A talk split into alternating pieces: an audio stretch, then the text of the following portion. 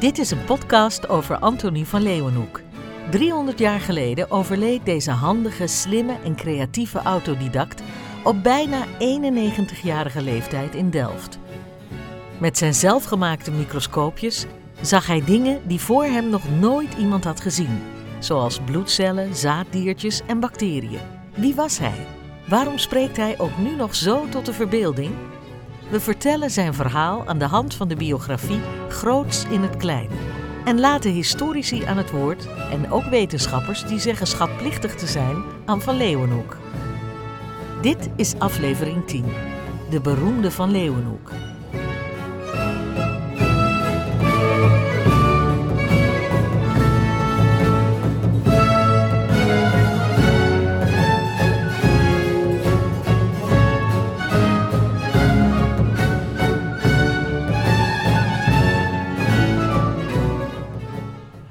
Van Antony bezorgt hem een niet aflatende stroom bezoekers.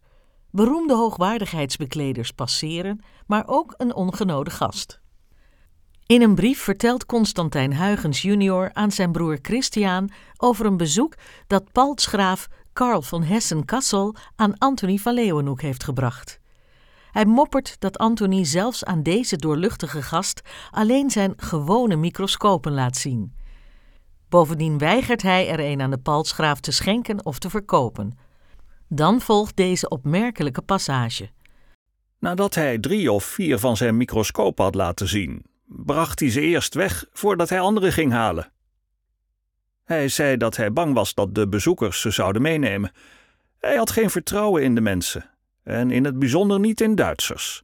Nou, dat herhaalde hij wel twee of drie keer. Oh, che bestia!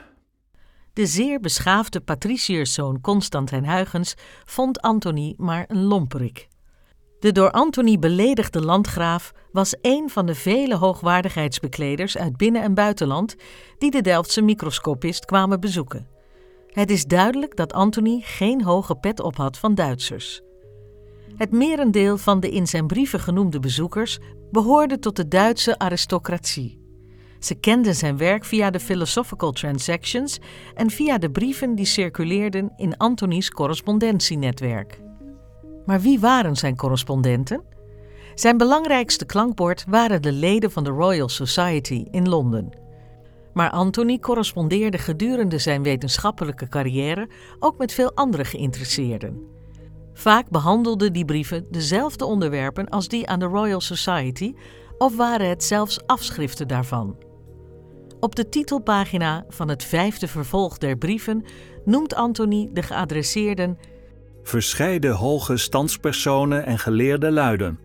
Onder de geleerden treffen we Christian Huygens en later de Duitse filosoof Gottfried Leibniz, die we vooral kennen door het bedenken van de infinitesimaalrekening. Daarmee wordt differentiëren en integreren bedoeld. Hij deed dat overigens gelijktijdig met Newton. Andere interessante wetenschappelijke correspondenten zijn bibliothecaris Antonio Magliabecchi, een sleutelfiguur in de wetenschappelijke kringen rond de Florentijnse invloedrijke familie de Medici. En verder Melchizedek Thévenot, het middelpunt van een Parijse kring van geleerden. De hoge standspersonen, zoals Van Leeuwenhoek ze noemde, zijn naast Constantijn Huygens senior aanzienlijke landgenoten, zoals de raadspensionaris van Holland Antony Heinsius. Na het overlijden van koning-stadhouder Willem III in 1702 gaf Heinsius leiding aan de republiek tijdens de strijd om het Europese evenwicht. Dit is een nette omschrijving van pogingen om de tomeloze ambitie van de Franse koning Lodewijk XIV te beteugelen. Antony had blijkbaar ook een zwak voor burgemeesters. Hij schreef aan de Delftse burgemeesters Nicolaas Bogaert van Belois, Jan Meerman en Hendrik en Ewoud van Blijswijk. Er gingen ook brieven naar burgemeester Nicolaas Witsen van Amsterdam en oud-burgemeester Harmen van Zoelen van Rotterdam. Er was ook koninklijk bezoek voor Antony. Een van de meest prominente bezoekers stond al in 1679 bij hem op de stoep.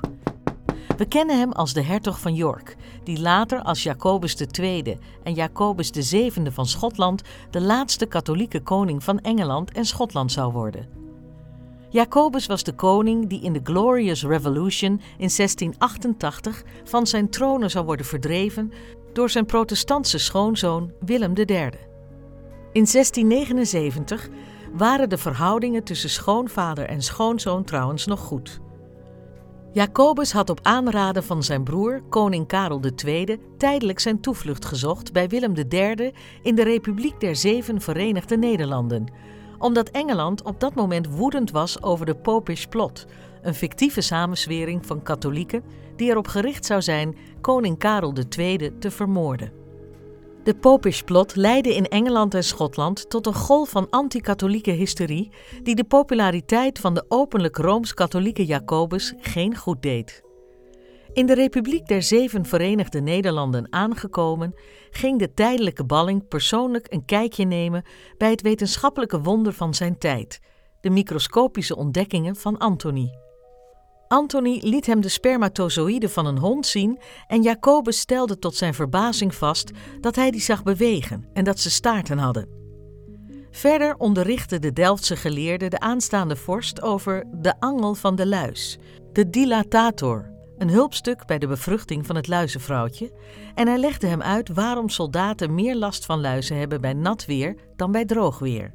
Ongetwijfeld zeer nuttige kennis voor iemand die in zijn latere leven te maken zou krijgen met militaire campagnes. Later, in 1687, toen de hertog inmiddels koning was geworden, droeg Antony een bundel in het Latijn vertaalde brieven aan hem op. Na het bezoek van Jacobus is hij bezocht door Maximiliaan II, Emmanuel, die op dat moment keurvorst van Beieren was. Tot slot kreeg hij ook nog bezoek van de bisschop van Londen. Ondanks de verheven status van al dit bezoek, zegt de mopperende Anthony. Maar om u de waarheid te zeggen, zonder grootspraak, meermalen hindert mij de veelvuldigheid der bezoeken als een ondraaglijke last. Terwijl slechts weinigen in staat zijn de zaken te bekijken waarvoor vereist is dat ze met zeer grote aandacht worden waargenomen. Maria, koningin van Engeland, en Anthony lopen elkaar mis. Maria is vermoedelijk in 1689 onaangekondigd naar Delft gekomen om Anthony zijn kunstje te laten doen, maar tot diens grote spijt was hij op dat moment niet in de stad. Maria was de dochter van Jacobus, getrouwd met Willem III, en samen met hem regeerde ze op dat moment Engeland en Schotland. We weten van dit mislukte bezoek door een brief die hij op 23 september 1692 aan haar schrijft en die is opgenomen vooraan in het derde vervolg der brieven. Deze uitgave heeft Anthony speciaal aan haar opgedragen. Hij schrijft haar onder andere in de volgende bewoordingen.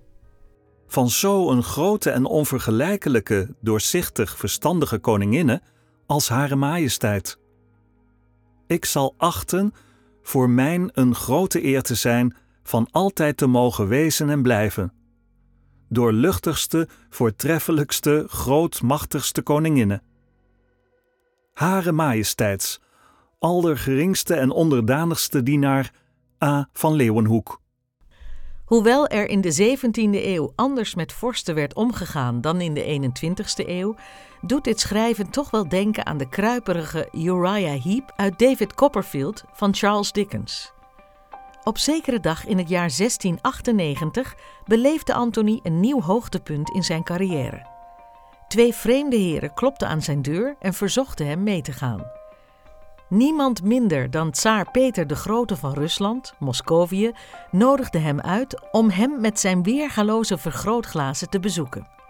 De tsaar verbleef op dat moment op een schip op de Schie, even buiten Delft, waar hij de deftige wapenhuizen van de Staten van Holland met veel belangstelling had bezichtigd. Het liefst had Peter een bezoek gebracht aan de werkplaats van Antony, maar hij vreesde de toeloop van een grote menigte nieuwsgierigen als hij herkend zou worden in de straten van Delft. Daarom pakte Antony snel enkele microscopen en preparaten bij elkaar en stapte in het klaarliggende vrachtbootje dat hem naar de machtige vorst bracht.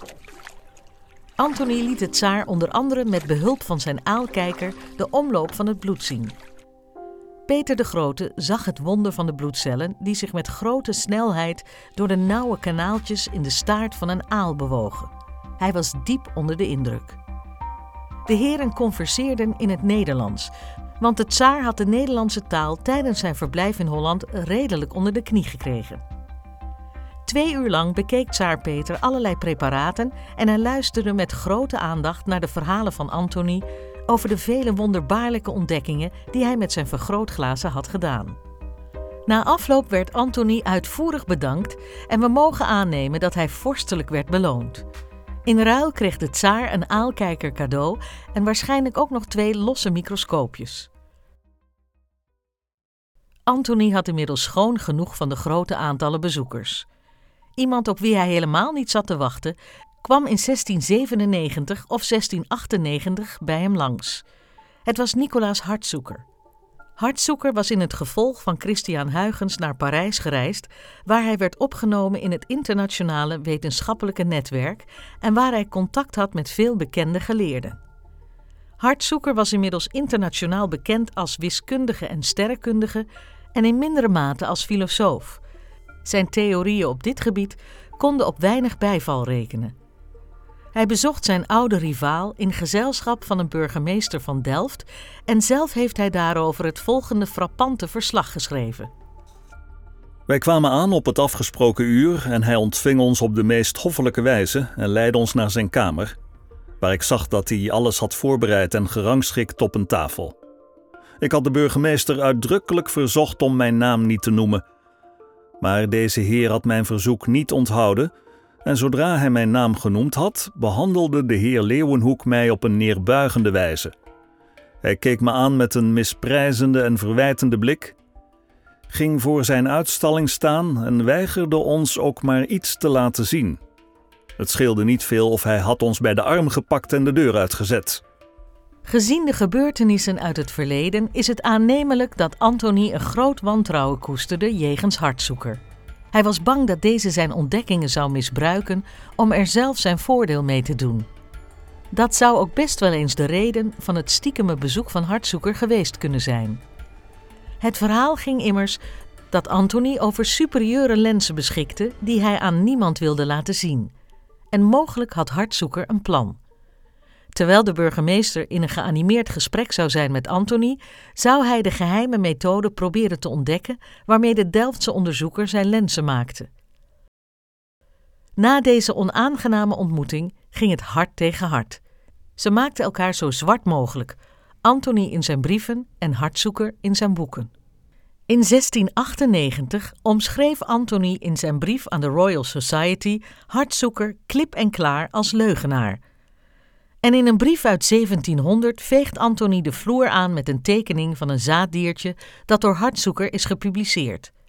Hij merkt op dat de staarten niet over de hele lengte even dik blijven, maar naar het einde dun toelopen. Antony concludeert hieruit dat zijn er vergrootglazen niet scherp zien.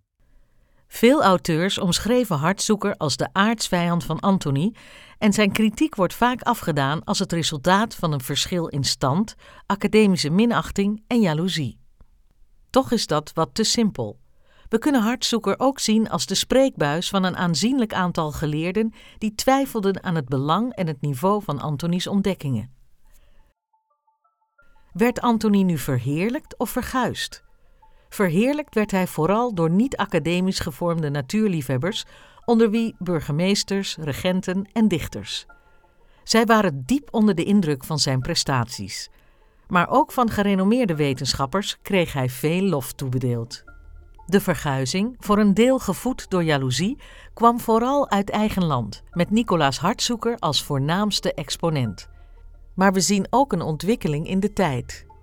In het begin, toen Antony zich nog opstelde als een bescheiden, ongestudeerde en naïeve onderzoeker, was iedereen hem gunstig gezind.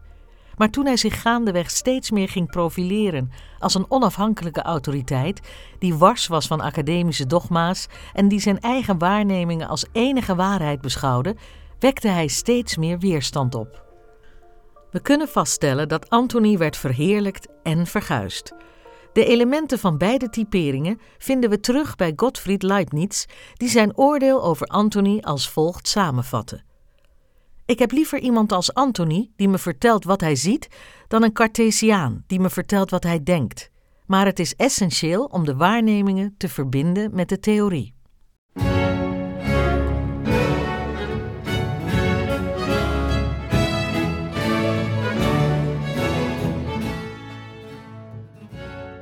Deze podcast over Anthony van Leeuwenhoek werd gemaakt door de Microbenclub in samenwerking met Videofixers.